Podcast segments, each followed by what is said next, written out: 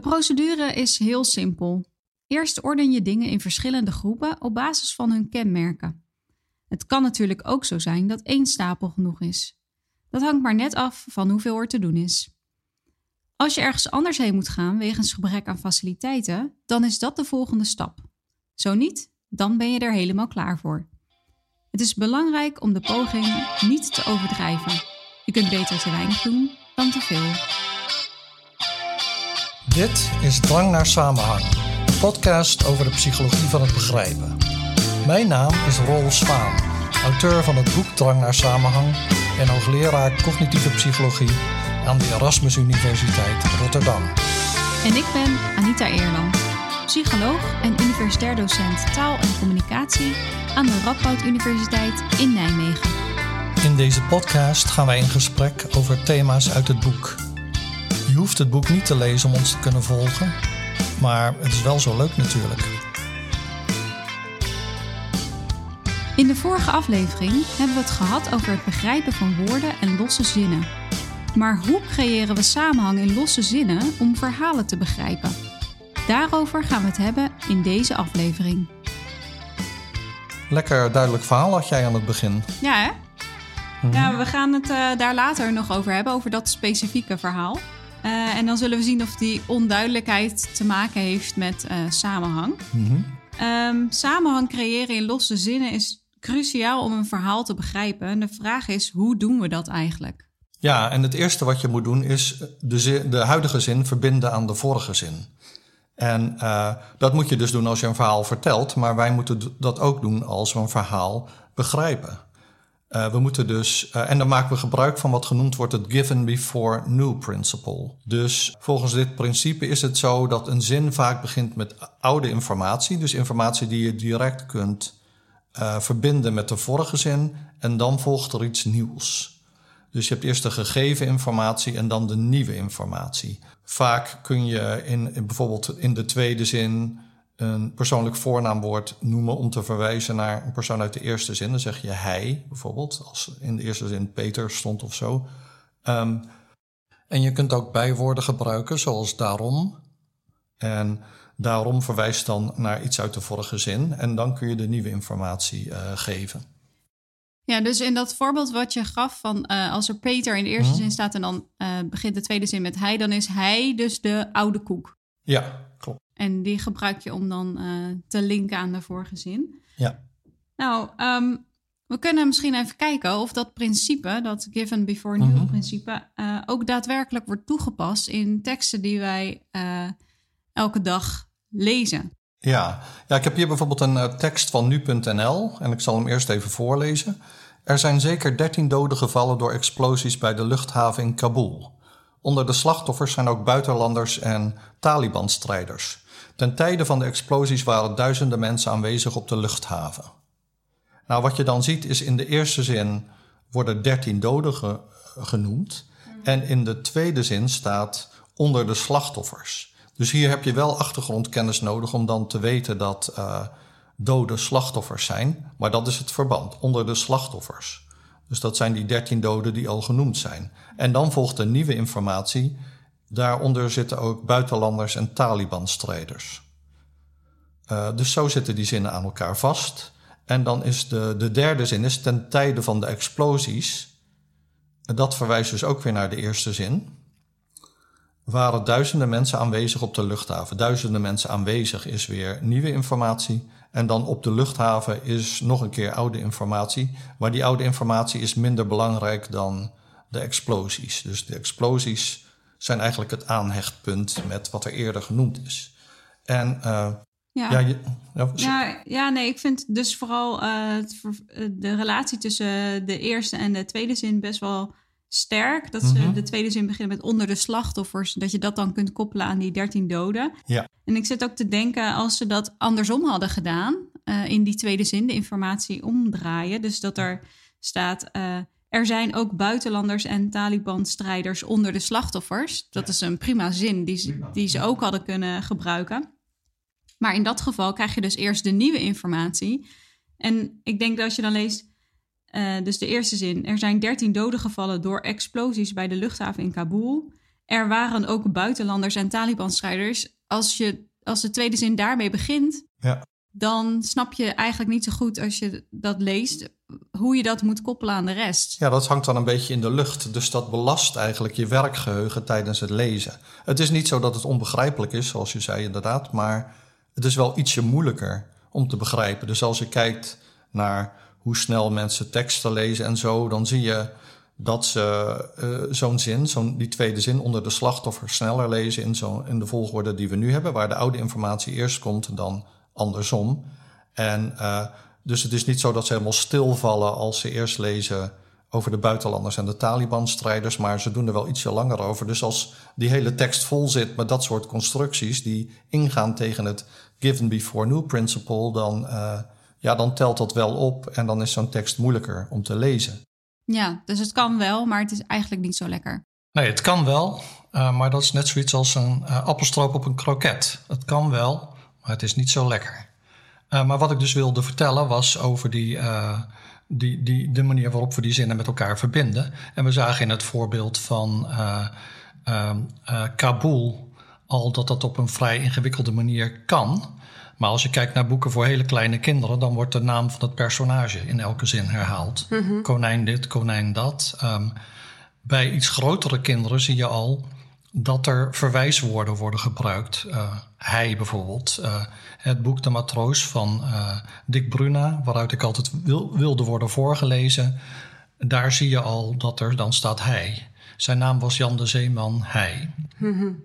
Dus kinderen van, weet ik veel, 4, 5, 3, 4, 5, die, die kunnen dat al begrijpen. Um, maar wat je dan verder ziet, is dat er ingewikkeldere constructies gebruikt gaan worden. Dus uh, um, een anafoor is een woord of een combinatie van woorden die verwijst naar iets wat eerder genoemd is. Mm -hmm. En uh, een persoonlijk voornaamwoord is daar een voorbeeld van. Maar je kunt ook langere constructies gebruiken. En uh, ik heb een voorbeeld daarvan uit het uh, Algemeen Dagblad. Um, en dit is een, een stukje over uh, Ronald de Boer. En Ronald de Boer was natuurlijk een voetballer en is nu een analist voor ESPN. Maar, zo luidt de krantenkop in het Algemeen Dagblad, Ronald de Boer niet langer vast gezicht bij ESPN. Zender niet blij met ambassadeurschap Qatar. Nou, dat is wel te begrijpen van ESPN natuurlijk, want er zijn bij het bouwen van de stadions in Qatar uh, duizenden doden gevallen. Dus ESPN wil zich daar niet mee associëren. En Ronald de Boer is een ambassadeur, uh, sportieve ambassadeur voor Qatar. Maar goed, daar gaat het me nou niet om in dit artikel. Het gaat me over iets veel simpelers, namelijk hoe wordt er verwezen naar Ronald de Boer. Nou, dan zie je dat hij eerst Ronald de Boer genoemd wordt. In de tweede zin wordt naar hem verwezen als de oud-prof van onder meer Ajax, FC Barcelona, Rangers en Oranje. Dus dan hebben we eigenlijk een, een, een, vrij lange constructie die gebruikt wordt, wordt als anafoor, als oude koek eigenlijk, want die kunnen we koppelen aan Ronald de Boer. In de volgende zin staat dan hij. De volgende zin een van de vaste blikvangers van de zender, ESPN dus. En dan de boer. En dan de inmiddels 51-jarige oud-middenvelder. Dan weer de boer. Dan hij. Dan de 67-voudig international. En dan hadden ze ook nog kunnen zeggen de tweelingbroer van de voormalige bondscoach. En dat hadden ze vast wel gedaan als dat artikel langer was geweest. um, maar wat dit dus laat zien is dat je wel voorkennis nodig hebt om uh, dit te kunnen begrijpen. Het is wel zo dat je um, ja, of die voorkennis moet hebben. Dat je weet dat uh, Ronald de Boer een van de vaste blikvangers van de zender is. Zodat je dat kunt koppelen. Ja. Als je dat nou niet weet... Um, want ik zou niet al die verwijzingen weten, gebaseerd op mijn achtergrondkennis. Maar dan zou ik toch ervan uitgaan dat ze daarmee diezelfde persoon bedoelen. En ja. op deze manier geeft dan de schrijver mij wel extra informatie over Ronald de Boer, die ik dus nog niet had.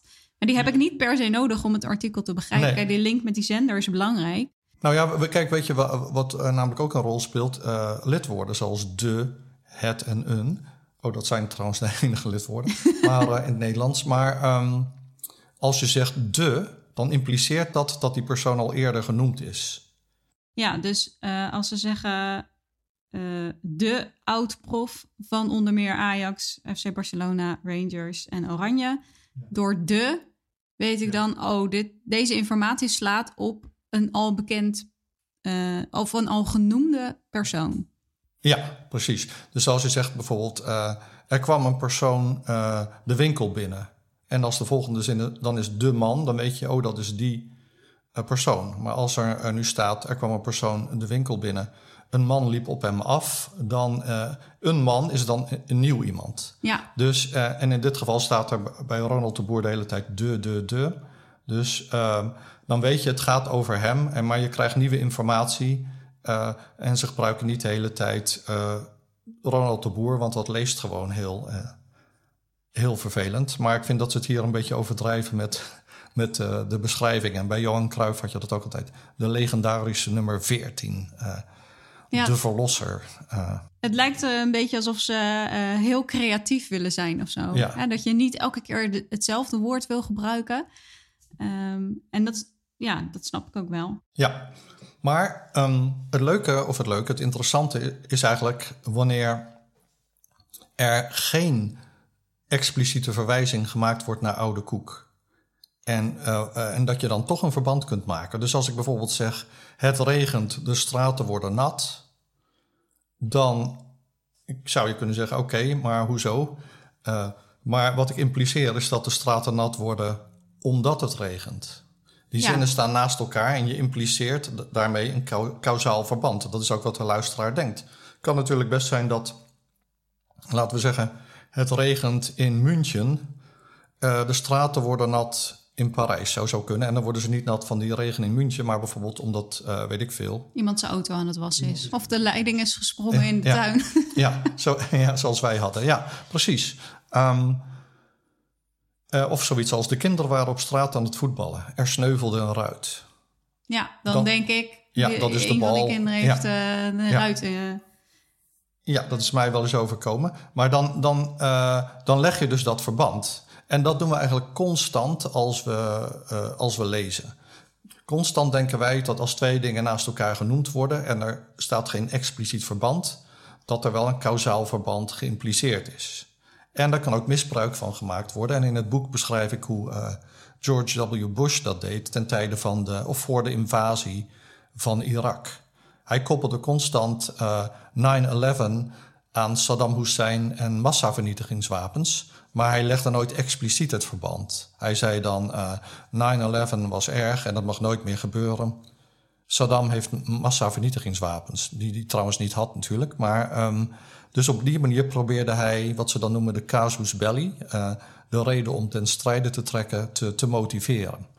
En, maar ik kon altijd zeggen van, uh, nee, ik heb helemaal niet gezegd dat het Saddam was, dat hij achter 9-11 zat. Ja, je kan hem dan nooit betrappen op een leugen, want hij heeft dat verband inderdaad zelf niet gelegd, maar hij heeft het wel op zo'n manier gepresenteerd, die informatie, dat andere mensen wel dat verband gingen leggen. En dat is natuurlijk wel wat hij wilde. Ja, dat is wel wat hij wilde. En er zijn politicologen die hebben zijn speeches erop nagekeken en die, die concluderen dat ook. En dat, uh, nou, dat beschrijven we dus in het boek. Maar uh, het belangrijke punt hier is dus dat, uh, dat om dus verbanden te leggen tussen zinnen uh, kunnen we soms gebruik maken van wat de verteller ons aanlevert aan uh, verwijzingen. Mm -hmm. Maar soms moeten we vertrouwen op onze achtergrondkennis. En dat is helemaal uh, het geval. Of nee, en dat doen we dus vaak wanneer er, um, wanneer er twee zinnen staan die gebeurtenissen beschrijven. Dan gaan we heel snel denken: oh, die zijn met, kausaal met elkaar verbonden. Ja, Want anders stonden moeten... ze niet in die tekst. Precies, maar daar zit dus wel een klein gevaar in dat we dus soms verbanden leggen uh, die misschien niet bedoeld zijn door de schrijver, maar gewoon omdat wij zelf graag uh, verbanden leggen tussen zinnen of ja, gebeurtenissen. Ja, jepper. Nou, ik heb weer een uh, onbegrip van de week. Um, het is een onbegrip van twee nachten geleden. Mm -hmm. Uh, zoals je weet hebben we een nieuwe wasmachine besteld een aantal dagen geleden. En uh, dan kun je aangeven um, wanneer je wilt dat die bezorgd wordt. En dan word je daarvan op de hoogte gehouden. En wanneer uh, ze dat ding komen brengen en installeren. Ehm, nu was het zo dat je wel een dag kon selecteren, maar niet echt een bepaald tijdslot. Dus uh, ze kunnen ergens tussen half acht 's ochtends en zes uur 's avonds met je nieuwe wasmachine Mhm. komen. En nou vind ik half acht 's ochtends best wel vroeg. Hey. Dus ik wilde heel graag van tevoren weten wanneer ze nou komen. En uh, gelukkig krijg je daar informatie over. Dus we kregen een mailtje, of tenminste, ik kreeg een Oh. mailtje.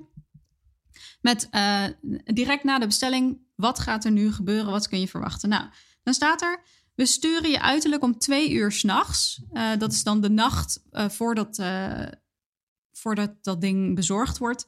Uh, krijg je zo'n track and trace link. Dus dan Ja. kun je zien uh, wanneer ze komen. En dan staat er daarna: we sturen je uiterlijk om vijf uur s'nachts. een verwacht bezorgmoment met een tijdvak van één uur. Nou, daar was ik natuurlijk in geïnteresseerd. Um, en ik kreeg inderdaad um, van Coolblue, waar we hadden besteld, uh, een link, een track and trace link per e-mail. En ik verwachtte dus voor vijf uur s'nachts nog een e-mail van hun met daarin dat precieze tijdslot. Dus ik heb echt super slecht geslapen. En elke keer, ik denk dat ik elk uur wakker ben geweest en dan snel op mijn mail ging kijken. Van hebben we nu al die, uh, dat precieze bezorgmoment? -hmm. Maar nu bleek dat ik helemaal geen mail van hun krijg. Maar dat je via de track and trace link kom je naar een andere pagina. Ah. En daar wordt voor vijf uur s'nachts het bezorgmoment bekendgemaakt. Okay. Dus je hebt voor niks wakker gelegen. Ja, maar ik vind het, omdat er twee keer staat, we sturen je. En de ene keer is dat een mail. En, maar die andere keer is dat dus geen mail. Maar dat verwachtte ik eigenlijk wel. Ja, ja nee, ik snap het. En uh, nou, ik snap het dus eigenlijk niet hoe dat uh, zit. Uh, en waarom, waarom ze het zo doen, laat ik het zo zeggen. Nee, dat snap ik ook niet. Je verwacht als je twee keer precies hetzelfde zegt, ja. dat dat ook precies hetzelfde inhoudt. Ja. Maar dat was dus niet zo. Nou ja, en ook het, het, is eigenlijk een beetje gek dat je dan de hele nacht moet liggen hanenwaken van... Uh, uh, nou, ik moet tot twee uur opblijven om te kijken of ik wel niet een mailtje krijg. En dan komt er om vijf uur weer iets. En dan komt om acht uur misschien dat, dat ding. Ja, dus of je moet gewoon zorgen dat je om half acht uh, up and running bent. Ja. Dat kan natuurlijk ook. dat kan ook. Um, goed, dat was dus mijn onbegrip van de week. En ik ben benieuwd wat jij uh, hebt gevonden. Ja, het is ook een beetje. Het was altijd een oude ergernis uh, over gedrag van mensen. Maar nu doe ik het dus zelf ook, heb ik gemerkt. Uh, oh jee. Als iemand zegt: Wil je thee? En dat je dan niet zegt ja, graag. Maar dat je zegt lekker. Dan denk ik: Ja, maar lekker is toch helemaal geen antwoord op die vraag. Ik vind trouwens thee niet eens lekker. Ik vind het uh, nou ook ja, niet vies. Je, maar wil je koffie dan? wil ik koffie? Ja, lekker. Maar dan denk ik, uh, als je alleen maar zegt lekker, dan is dat niet een antwoord op de vraag. Want als ik tegen jou zeg, uh, zal ik je eens een mop vertellen? Dan zeg jij niet uh, humoristisch of zo. Um, nee, maar als je iemand vraagt, wil je koffie? En je zegt lekker, dan denk je wel dat lekker slaat op de koffie. Ja. En dan, dat is een positieve reactie op de vraag. Ja, dus dan ja. interpreteer je dat wel als ja. Maar je hebt wel gelijk, het is geen antwoord op de vraag. Nee, het is geen antwoord op de vraag. En natuurlijk hebben we het net over die materie in... Uh, in deze aflevering. Hè, dat je heel veel ongezegd kan laten. Maar ik vond het, uh, toen ik dat dus voor het eerst hoorde, jaren geleden, vond ik dat ergerlijk dat mensen dat deden. Maar nu merk ik dus dat ik het zelf ook doe. En dat ik het ook zeg bij dingen die ik helemaal niet zo lekker vind. Uh, dus het, wordt meer, het is meer een routine antwoord. Het betekent haast gewoon ja, graag of zo.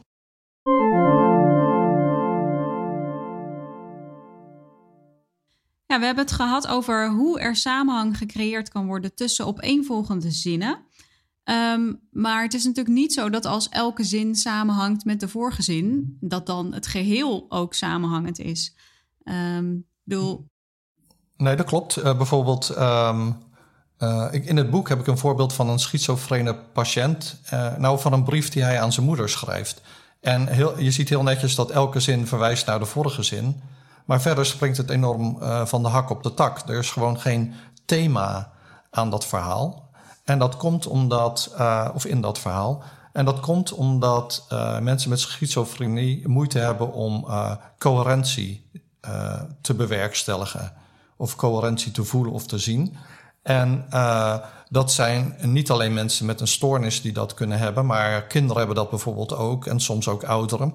Het heeft er namelijk mee te maken uh, dat je, uh, als je moeite hebt om het thema van het verhaal in je werkgeheugen te, te houden, mm -hmm. en dan laat je dat los en dan krijg je gewoon dat elke nieuwe gedachte die bij je opkomt, die wil je vertellen, ook al heeft die niets te maken met het thema. En je kunt hem nog wel koppelen aan de vorige zin, maar dat is het dan ook. Dus je hebt eigenlijk, laten we zeggen, allemaal uh, Lego-steentjes die, die je aan elkaar hebt gemaakt, maar uh, je hebt er geen uh, kerkje mee gemaakt of een treinstation of zo, of een ruimteschip. Je hebt alleen maar willekeurig lange... ja, een lange reeks van steentjes. Um, dus uh, een goed verhaal heeft een thema. En niet alleen is het zo dat binnen dat verhaal de zin, elke zin uh, gekoppeld kan, kan worden aan de zin ervoor, maar die zinnen tellen ook op tot een groter geheel.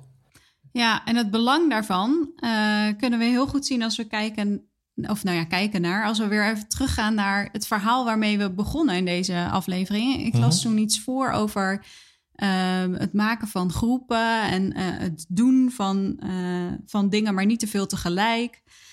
Um, nou ja, dat verhaal is, uh, nou heb ik vertaald, maar is een um, verhaal dat gebruikt is in een klassiek experiment van Bransford en Johnson in 1972.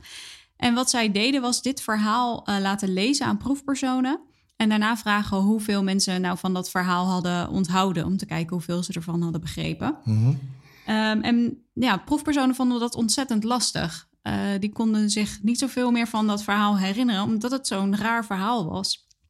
En dan hebben ze andere proefpersonen datzelfde verhaal gegeven, maar ook het thema of uh, de titel van het verhaal. En in dit geval was dat Doing Laundry, ja. dus uh, de was doen. Ja.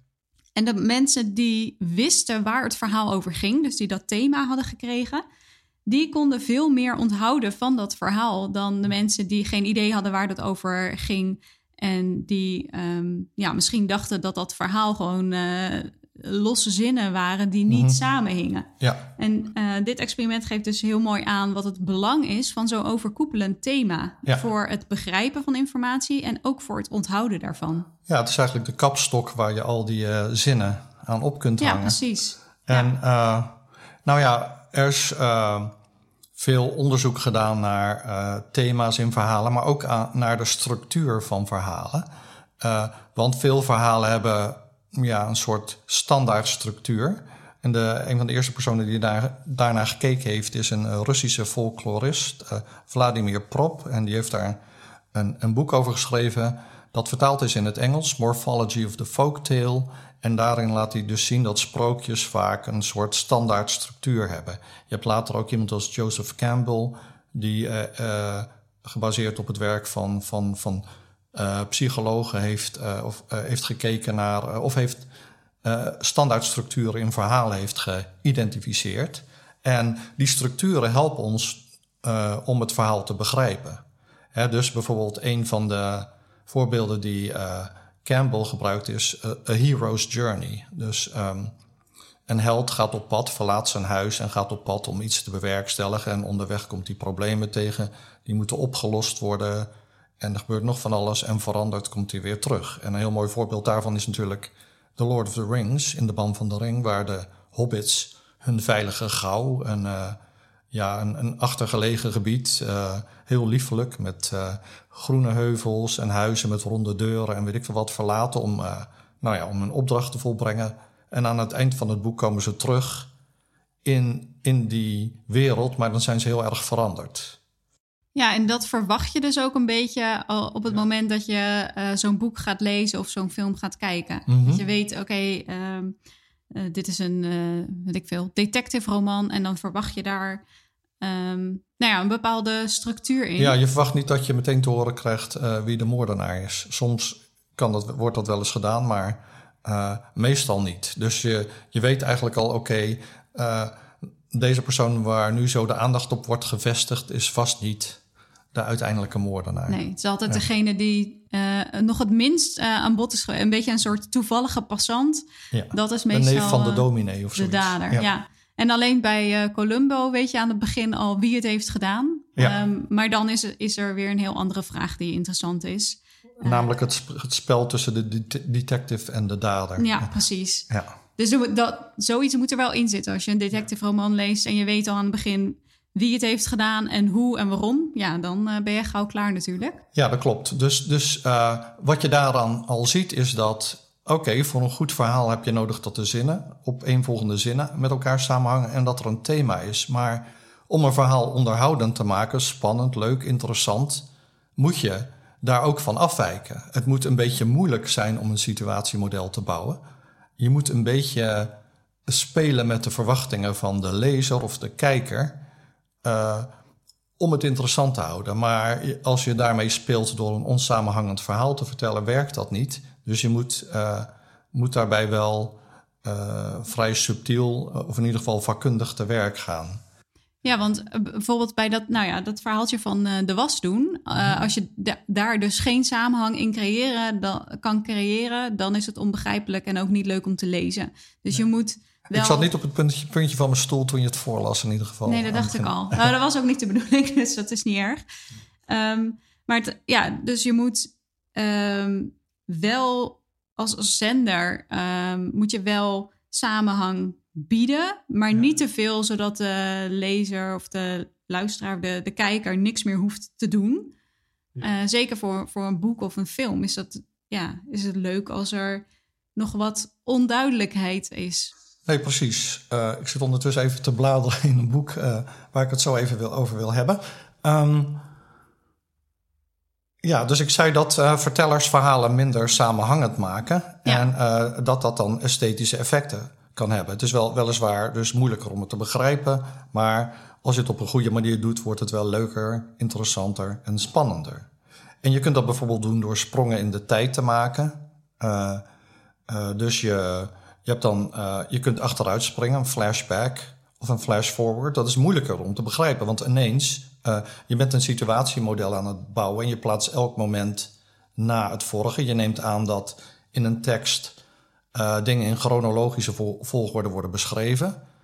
Um, en, want dat is namelijk meestal zo. Maar als je daar dus op een goede manier van afwijkt, creëer je spanning. Even weet de kijker of de lezer niet waar die is in het verhaal. Hé, hey, wat is dat ineens? Uh, dat hadden we ook bij die serie uh, La Promesse, ja. die we net uh, hebben gekeken. Ja, waarbij ik in de laatste aflevering in slaap was gevallen. dus ik ja. weet niet precies hoe die is afgelopen, maar... Ja, dat was spannend, joh. Oh, oké. Nee, maar daarin, dat zijn eigenlijk twee verschillende tijdslijnen die die door elkaar worden afgespeeld. En de eerste keer dat er zo'n sprong wordt gemaakt, mm -hmm. word je als kijker even op het verkeerde been gezet. Denk je, hé, hey, dit is wel dezelfde omgeving. En er zitten personages in met dezelfde naam, maar hoe uh, verhoudt dit zich tot uh, dat verhaal wat we eerder hebben gezien? En op een gegeven moment heb je door, oké, dit is. er is een um, tijdslijn die zich nu afspeelt. en er is een verhaal eh, twintig jaar daarvoor in dezelfde plaats met ongeveer dezelfde mensen. Mm -hmm. uh, en dan, dan spring je steeds heen en weer. En ja. uh, soms heb je na zo'n sprong toch even dat je denkt: in welk verhaal zitten we nu? Ja, nou en je kunt ook in experimenten aantonen dat mensen moeite hebben met sprongen in de tijd. En dat kan veel moeite zijn, maar of een klein beetje moeite. ik heb daar zelf ook wat onderzoek naar gedaan. um, maar. Um, dat is één manier, sprongen in de tijd. Maar wat je ook ziet, soms is dat er een ongebruikelijk perspectief uh, wordt uh, gebruikt. Hè, dus het verhaal wordt verteld vanuit uh, het perspectief bijvoorbeeld van een paard of zo. En ik ben nu een roman aan het lezen van Orhan Pamuk. En dat boek heet Ik heet Karmozijn. Mm -hmm. En um, karmozijn is een kleur, een soort rood. En Ik heet Karmozijn geeft al aan wat er gebeurt het verhaal wordt steeds vanuit verschillende perspectieven verteld. Meestal zijn het wel mensen. Maar karmozijn is een kleur. Dus er is één hoofdstuk dat wordt verteld vanuit het perspectief van die kleur in een tekening. Um, je hebt ook een hoofdstuk dat heet Ik ben een paard. Vanuit een paard. Uh, je hebt ook uh, eentje dat wordt verteld vanuit een muntstuk. En dan uh, dat muntstuk, of gezien vanuit het perspectief van het muntstuk. En dat muntstuk komt uit Venetië. En ehm, wordt, uh, gaat van hand tot hand. Uh, soms wordt het begraven in een tuin, soms wordt het verstopt in een, um, in een vaas, soms wordt het gestolen in een herberg. Uh, soms doet iemand het in zijn mond en bijt erop om te kijken of het wel een echt muntstuk is. en dan uiteindelijk komt het terecht in Istanbul, waar dan het verhaal zich afspeelt. Maar het interessante van dat boek is dus dat je eigenlijk een soort zwevend bewustzijn hebt. Want het verhaal is wel verder heel chronologisch. Het gaat dus van het ene personage naar het andere, of van het ene perspectief naar het andere. Maar dat perspectief kan dus een, eh, een paard, en dat is niet, niet een echt paard, maar een paard op een tekening zijn, of een boom, of uh, een, een, een, een vizier, of een, uh, een soldaat of wat dan ook, een, een, een, een koopvrouw, dat soort perspectieven zitten er ook in. Maar het verhaal gaat wel steeds verder. Dus dat is dus op zich. is niet, dat zie je soms ook uh, dat eenzelfde scène of eenzelfde gebeurtenis uh, ja. wordt beschreven vanuit verschillende nee, personages. Maar het, het is dus steeds verder. wel een nieuwe gebeurtenis ja. die beschreven wordt, maar dan vanuit. Ja, het helpt het verhaal verder. En, en dus het, wat hier dus dan het vervreemdende aan is, is dat wij geen ervaring hebben als muntstuk. Dus wij kunnen heel veel van onze achtergrondkennis, die we wel kunnen inzetten als het verhaal over een mens gaat, kunnen we nu niet gebruiken. Dus dat maakt het begrijpen ietsje moeilijker maar ook interessanter. En uh, dat is dus een andere manier waarop vertellers uh, kunnen spelen met onze drang naar samenhang, zeg maar. Ja, en hoe wordt er dan in dat boek samenhang gecreëerd? Als elk hoofdstuk wordt beschreven vanuit een ander personage en ook mm. gaat op, over uh, een andere gebeurtenis, want het is een andere tijd. Dus de tijd. De, de tijd in het dus verhaal. Wat is dan verder, nou, de, overlap? De, de verbindende uh, nou, er zijn een aantal verbindende elementen. het ene is de locatie, het speelt zich af in Istanbul. En dan verder uh, zijn er moorden gepleegd. En dan uh, krijgen we daar dus een, geleidelijk aan een beter perspectief op. Ik heb het nog niet uit, ik ben pagina um, ehm, 480 of zo. Maar, dus ik weet nog niet hoe het afloopt. Maar, maar ik vind het wel een interessant perspectief. Um, of in ieder geval een interessant gebruik van perspectief. En uh, wat je net zei, van dat er verschillende perspectieven door elkaar gebruikt worden, dat, dat zie je dus uh, ook heel veel in films. En, uh, ja, dat klopt. Eén film die. Dat was misschien een van de eerste die ik zag die daarvan gebruik maakte, of in ieder geval wat ik me kan herinneren, is de film Love Actually, een Britse film uit 2003, mm-hmm. waarin acht koppels worden gevolgd in de dagen voor kerst. En in het begin denk je dat het allemaal ja, acht losse verhalen zijn. Natuurlijk denk je, denk je wel, die moeten op een of andere manier samenkomen. Want ik ga natuurlijk niet een film kijken die bestaat uit acht opgeknipte losse verhalen. Um, maar gaandeweg zie je dus uh, hoe die verhaallijnen dan met elkaar zijn verweven. En dat vond ik toen ja, heel leuk uh, en interessant. Maar ja. goed, verschillende perspectieven. Ja, een heel mooi voorbeeld is The Sound and the Fury van William Faulkner, waar je het perspectief van drie broers krijgt op uh, de dood van hun zusje. Ik heb het boek heel lang geleden gelezen, maar uh, dat vond ik een heel mooi gebruik daarvan. En je hebt ook de film Rashomon van Akira Kurosawa, waarin uh, je de dood van een samurai wordt vanuit verschillende perspectieven verteld. En al die getuigen die leggen wel samenhangende verklaringen af, maar ze spreken elkaar tegen. En ja, uit die film komt eigenlijk het psychologische principe van het Rashomon-effect. Het feit dat verschillende mensen uh, of ooggetuigen verschillende verklaringen afleggen, die op zich wel coherent kunnen zijn, maar toch niet stroken met elkaar. Mm -hmm. um, en dan, uh, dus dan heb je, nou, ik heb, het over, ik heb het gehad over sprongen in de tijd en over ongebruikelijke perspectieven, maar nog een ander voorbeeld is een onbetrouwbare verteller. En dat zie, nou, zie je bijvoorbeeld in films zoals Shutter Island, The Sixth Sense, en uh, A Beautiful Mind. Wat je daar dus ziet met zo'n onbetrouwbare verteller is, je krijgt wel informatie. En normaal als je een verhaal uh, hoort of leest, dan, dan ga je ervan uit dat de verteller jou ware informatie geeft. Hè? Dat is zeg maar je impliciet ja. wat je aanneemt in zo'n verhaal. Um, maar dat is dus in die films en in, in romans heb je dat natuurlijk ook met zo'n verteller juist niet zo. Je wordt eigenlijk uh, misleidt. Hè? Ja, je zou kunnen denken door te kijken naar de voorbeelden die we hebben gegeven, dat uh, zo'n onbetrouwbare verteller een vrij recente stijl is die wordt toegepast.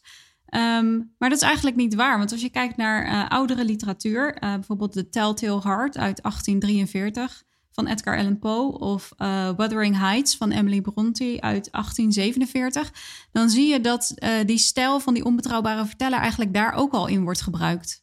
-hmm. Ja, en The Telltale Heart, dat is mijn favoriete verhaal van Edgar Allan Poe. En uh, die films die ik eerder noemde, die behoren tot mijn favoriete films. Dus ik zit nu te bedenken dat ik eigenlijk hou van verhalen met uh, onbetrouwbare vertellers. En dat is wat ik geleerd heb van deze aflevering.